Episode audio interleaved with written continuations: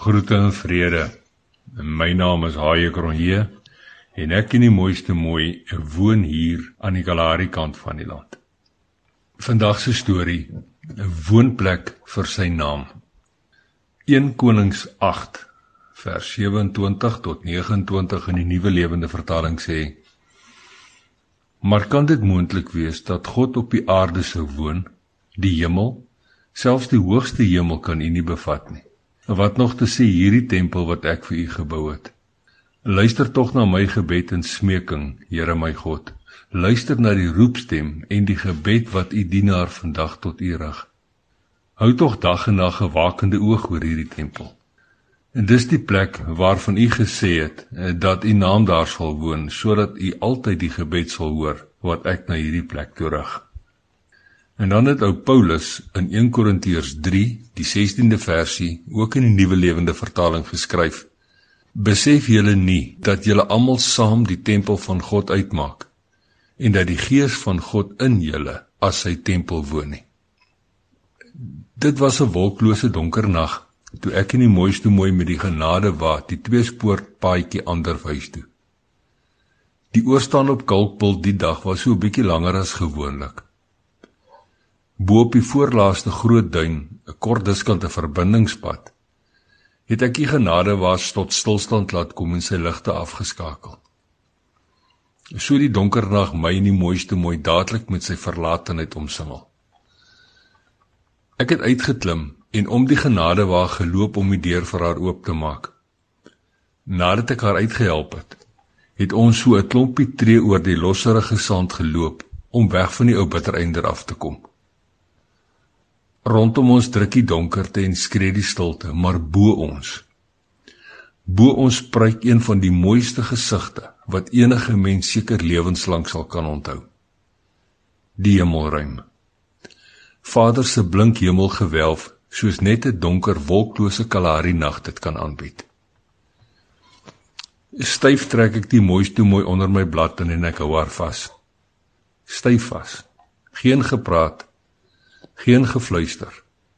Net 'n sagte asemhaling wat stilweg getuig dat ons saam hierdie skepingsbelewenis kan ervaar. Net ek en sy. Net ons twee. Iewers alleen bo op 'n Kalahari sandduin in die middel van 'n pikdonker nag. Dit is donker maan vanaand en bokant ons blink sterre. Miljoene sterre. Sterre. Grootes, kleintjies en konstellasies van sterre wat in die hemel gewelf skitter.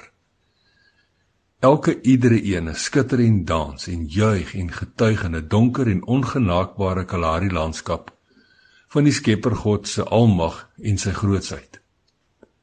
Hulle verkondig in hierdie donkerste tyd van die dag dat die Skepper van hemelgoed en stofaarde voorwaar onvergelykbaar en verseker prysenswaardig is. Daar is voorwaar niemand soos hy nie. Terwyl ek in verwondering na hierdie blink hemelgewelf kyk, onthou ek dat die wyse Salomo tydens die inwyding van die tempel ook God se grootsheid besing het. Miskien, wie weet, dalk moes die wysgeer van ouds ook iewers so 'n spesiale en 'n magiese oomblik beleef het. 'n goddelike en kosbare oomblik in die aanskouing en bewondering van Vader se skepingswerk.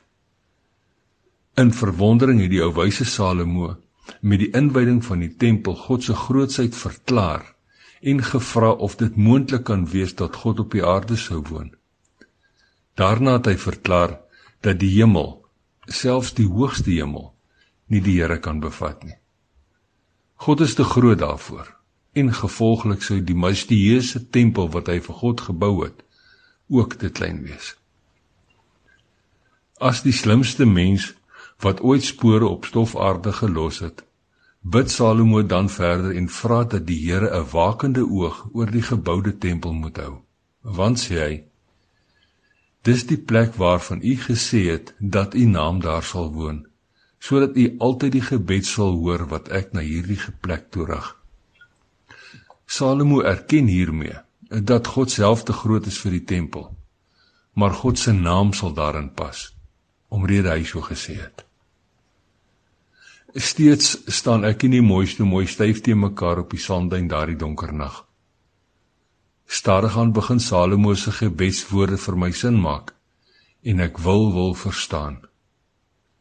My naam fluister die Heilige Gees opeens liefderik is wie en wat ek is. Dit omskryf en bevat my karakter, my reputasie en my eer. Maar dis nie al nie.